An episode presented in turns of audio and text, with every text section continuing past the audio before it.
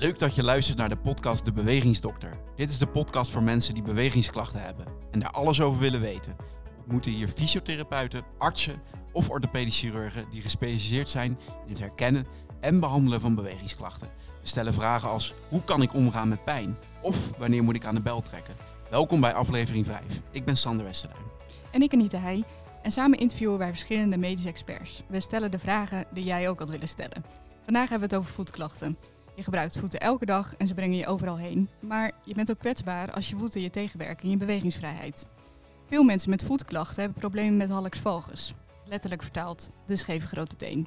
We zijn vandaag daarom in de spreekkamer van Winneke Metsaars. Zij is orthopedisch chirurg en weet alles over de voet en enkel. Ze ziet per jaar wel duizenden voeten voorbij komen op haar poli. Winneke secuur, houdt niet van lopende bandwerk en vindt het dus belangrijk dat er geluisterd wordt naar de patiënt. Maar vandaag hebben we een en al oor voor haar verhaal en expertise. Welkom bij de Bewegingsdokter podcast. Dankjewel. Wieneke, we hebben het vandaag over de scheve grote teen, medisch dus de hallux valgus. Um, zo zullen we het in, voor het gemak in deze podcast ook maar noemen. Um, de aantallen rondom die hallux valgus vielen mij echt op. 30% van de mensen heeft een hallux valgus. Dat is echt veel. Ja, nee, dat is zeker veel. En ik denk ook dat iedereen wel iemand kent uh, die zo'n scheve grote teen heeft. En uh, ja, er zijn natuurlijk ook heel veel mensen die daar, uh, die daar last van hebben. Want eigenlijk het grootste deel van de mensen die een hallux valgus heeft, die krijgt er op een gegeven moment toch, toch last van. Ja, er zijn echt veel mensen die, die iemand kennen dus met die scheve grote teen. Kun je mij eens beeldend uitleggen hoe die er precies uitziet? Wat zijn de kenmerken? Ja, nou als je het technisch zou uh, bekijken, dan uh, staat eigenlijk het middenvoetsbeentje van de grote teen, uh, die staat naar buiten toe. En dat zorgt voor een knok, hè, dus een, een zwelling mm -hmm. over de binnenkant van de grote teen.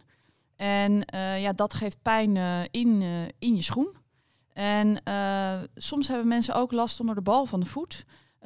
omdat die voet eigenlijk wat is doorgezakt. En dan krijgen mensen dus ook pijn onder de bal van de voet, omdat ze een hallux valgus hebben. Ja, dus twee kenmerken, dus die, die knokkel en de bal onder de voet. Dat Ja. zijn de twee grote kenmerken. En als je dan echt verder inzoekt eh, naar het ontstaan van zo'n eh, van zo'n ja, hoe- kun je daar wat meer over vertellen? Hoe ontstaat zoiets? Ja, nou eigenlijk eh, wat ik eh, op mijn spreekkamer zie, of als ik het mensen vraag, dan eh, is het met name in de vrouwelijke lijn zie je dat eigenlijk de hele familie daar last van heeft. Dus grootmoeder, moeder en degene die voor mij zit. En we weten ook wel dat eigenlijk de erfelijkheid de allerbelangrijkste factor is in het ontstaan van de, van de. En eh, ja, er zijn wel wat mannelijke dokters die misschien vinden dat een hoge hak dan eh, een, eh, daar een oorzaak voor is. Maar nou ja, dat is in ieder geval vanuit de literatuur nooit, nooit bewezen. Dus ja, helaas, als je moeder of misschien je vader een hallux valgus heeft, dan heb je een grote kans om het zelf ook te krijgen. Ik, denk niet dat het dragen van hakken zorgt voor een, een hallux valgus. Volgens mij is er zelfs een keer een heel gek onderzoek gedaan waarin ze mensen die hakken hebben gedragen hebben gekeken of dat die nou eh, eh, eerder een hallux hadden dan niet. En eh, nou, dat, dat kwam er ook niet echt uit. Dus Nee. nee, nee ik Je zou gewoon. ontkrachten. Ja, Ik, ik zou lekker hakken blijven dragen. ja oké. Hey, en als je dan zo'n hallux valgus hebt, heb je er dan meteen ook last van? Of zijn er ook gewoon, omdat er zoveel mensen zijn, lopen er ook gewoon mensen rond die er geen hinder van ondervinden? Ehm, nou, er zijn best wel wat mensen die eh, door bredere schoenen te dragen, of eh, schoenen die veel zachter zijn, of zacht leer wat wat meerekt, eh, die daar dan relatief niet zoveel last van hebben. En ja, soms kan je ook met een steunzool kan je wel zorgen dat die pijn bijvoorbeeld onder de bal van de voet beter wordt. Ehm, dus ja, je kan als patiënt in het begin zeker wel eh, ehm, ja, door met name schoenen aan te passen zorgen dat je minder last hebt. Ehm, maar er zijn ook wel heel veel mensen die met pijn blijven rondlopen. Terwijl ze dan misschien beter eh, toch een keer door een voetspecialist eh, beoordeeld eh, zouden kunnen worden. Ja, er zijn een hoop doorzetters eh, onder de mensen met een valgus misschien. Ja, nou zeker. Ja, ik zie soms echt wel eens mensen op mijn spreekuur eh, die echt al jaren eh, rondlopen en zich echt beperkt voelen. En die misschien al wel zes paar steunzolen hebben versleten. Ja. Waarvan ik dan soms toch wel eens denk van joh, je had best wel een paar jaar eerder kunnen komen. Ehm, en dan hadden we samen kunnen besluiten of we daar iets misschien operatiefs aan hadden kunnen doen. Waar je dan nu alweer vijf jaar profijt van uh, had gehad. Ja, had het alleen al durven overleggen. Ja, precies. Hè? Het is niet zo dat als je bij mij in de spreekkamer komt, dat er dan meteen een mes klaar ligt. Ik bedoel, we kunnen eerst even bekijken wat er, wat er aan de hand is. ja. En een stapje voor, nog voordat ze bij jou in de spreekkamer zitten. Um, heb je echte do's en don'ts? Um, nou, ik, ik denk dat het belangrijkste is dat je toch als patiënt moet proberen uh, ja, je pijn te vermijden door gewoon een brede schoen aan te trekken. Ja. Uh, en uh, ja, waar ik het net ook over had, dat eventueel zo'n steunzool kan werken. En ehm, ja, ik werk zelf ook samen met een podotherapeut en een orthopedisch schoenmaker die ook bij ons in het pand werken. En ik werk ook samen met veel podotherapeuten in de regio. Ehm, om te kijken of je um, ja, niet operatief zo'n hallux nog uh, kan, uh, kan behandelen. Mhm. Maar uiteindelijk zijn de meeste mensen die bij mij komen, die lopen al zo lang uh, met een hallux rond. Mm um, ja, dat je dan toch ook overlegt of je dat met een operatie kunt verbeteren. Want de, de stand kan je natuurlijk niet verbeteren zonder operatie. Dus als je echt wil dat die teen weer recht komt te staan, dan is eigenlijk het enige wat je kan doen, is een operatie. Ja, dus soms zeg je misschien ook wel van ja, ik kan nu bijna zeg je nu, kan heel veel do's en don'ts geven, maar als die eenmaal scheef staat, staat die scheef. Ja, en dan moet je dat als patiënt proberen te accepteren en uh, ja, daaraan te doen wat je eraan kan doen. En als je op een gegeven moment gewoon te uh, erg uh, ja, last ervan hebt, te erg beperkt wordt, ja, dan is een operatie een hele goede mogelijkheid om je klachten te verminderen. Ja, zeker. Ja, in ieder geval die doel die ik er nog wel uithaal is dus die brede schoen. Al is dat in het begin misschien niet wat je zelf koopt, maar later ook misschien uh, een therapeut die dat voor je kan doen. Ja, zeker. Ja. Als we kijken, echt weer verder gaan inzoomen naar die operatie. Hè? Je hebt het net al even benoemd. Hoe ziet zo'n operatie er dan precies uit? En uh, ja, wat kan men ervan verwachten? Ja, nou bij een operatie uh, ja, is natuurlijk de basis is dat je die teen recht zet. En um, ja, dat doe je eigenlijk eh, door dat middenvoetsbeentje. Daar heb ik het al in het begin over gehad. Eigenlijk is uh, het middenvoetsbeentje staat scheef. Dus dat moet je bij een operatie ook weer uh, rechtzetten. En um, ja, er zijn verschillende methodes voor. Chevron, scarf, dat zijn namen zeg maar, van die operaties. En um, daarmee zet je dat middenvoetsbeentje recht. En daardoor kan je ook die teen recht zetten. Uh, en uh, ja, zorgen dat dat, uh, dat, dat netjes blijft. Um, en ja, na zo'n operatie krijgen mensen bij mij over het algemeen gewoon een drukverband. Ze mogen meteen eigenlijk op hun hak belast mogen ze lopen. In het begin moet je natuurlijk wel gewoon goed je been omhoog houden om je wond te laten genezen. Mm -hmm. um, en ja, je loopt zes weken op een speciale schoen. Dus ja, ja. En de operatie zelf, is dat een lange operatie of is dat vrij, uh, vrij kort? Nee, de operatie zelf is, uh, is niet zo lang. Dat is misschien een half uur, drie kwartier uh, dat, je, dat de operatie duurt. Um, ja, het is natuurlijk voor de, voor de patiënt zelf, die moet na zo'n operatie gewoon wel even een tijdje ja, rustig aandoen. Hè? Dus je moet daar wel eventjes de tijd voor nemen om, om te herstellen. Ja, hoe ziet dat herstel eruit? Hoeveel weken moet ik me voorstellen als ik geopereerd ben aan mijn Vogels? Um, ja, dus je hebt twee weken heb je een drukverband. En dan adviseer ik mensen echt wel om hun been hoog te houden. En uh, gewoon een beetje thuis uh, op de bank te zitten.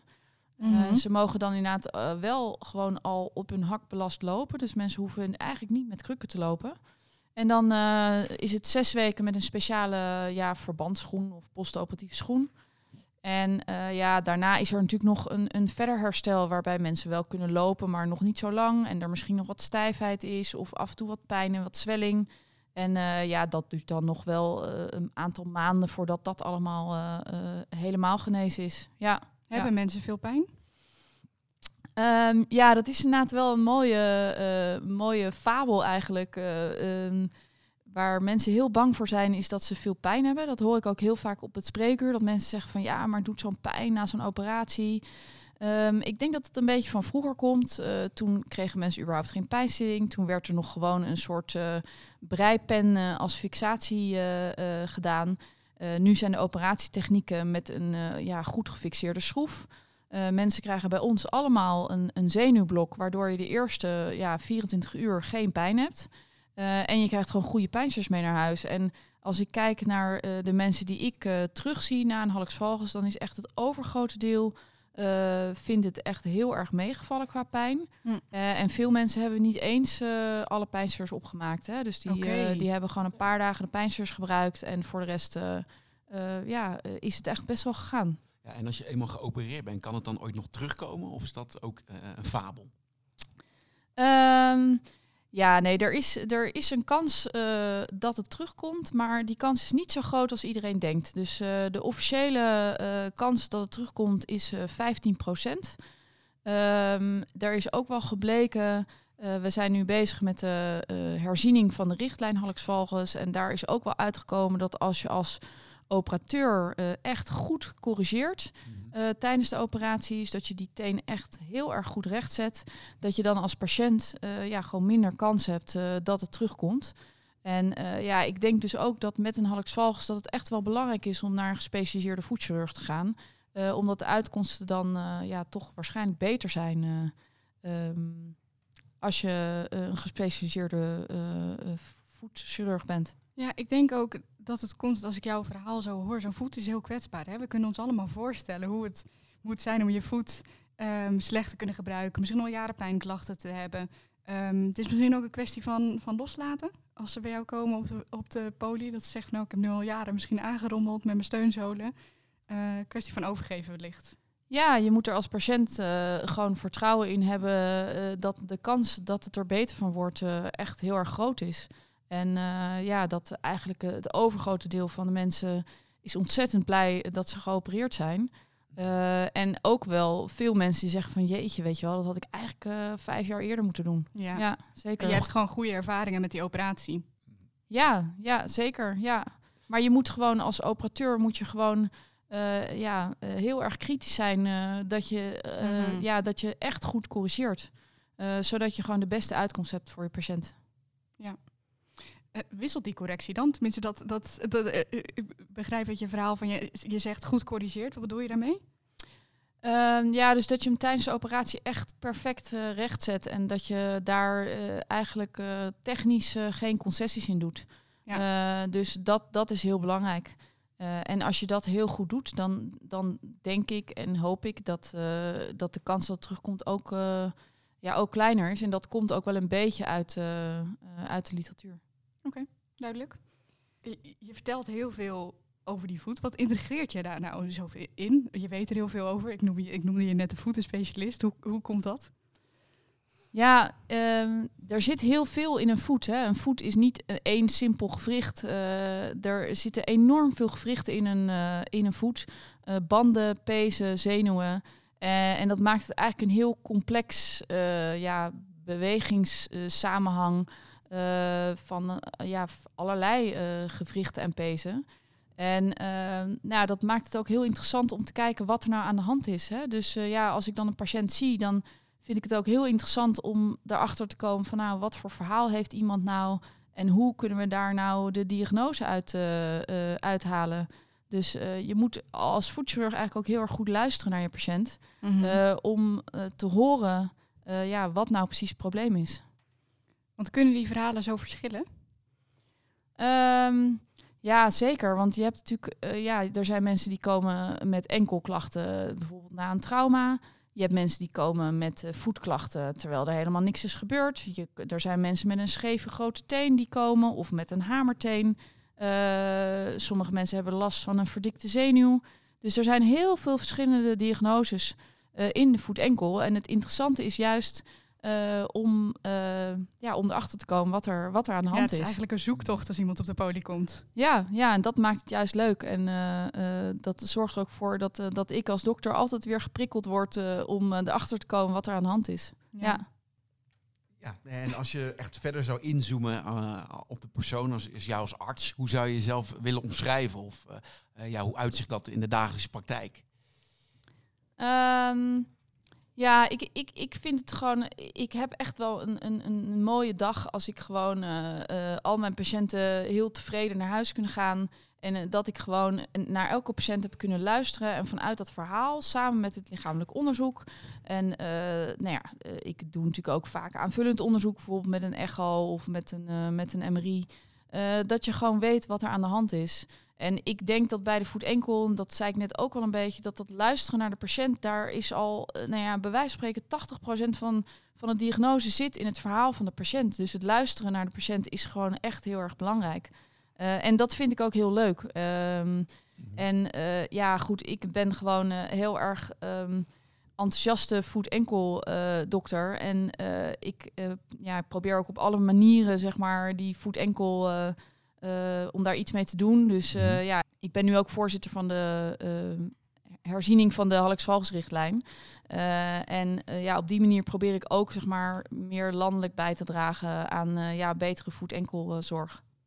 Mooi. En dan misschien een hele persoonlijke vraag. Misschien wil je er geen antwoord op geven, maar eh, ik wil hem toch stellen. Hoe is het eigenlijk met je eigen voeten gesteld? Ja, dat is wel eh, jammer, want ik kan niet zo heel erg goed meepraten met mijn patiënten over voetklachten. Oh. Ja, dus, ehm, ik, eh, ja, dus ik weet het niet zo heel goed. En ik moet zeggen dat er ook in mijn familie eigenlijk geen valgus voorkomt. Dus ik denk de kans dat ik nog een valgus krijg is, eh, is niet zo heel erg groot.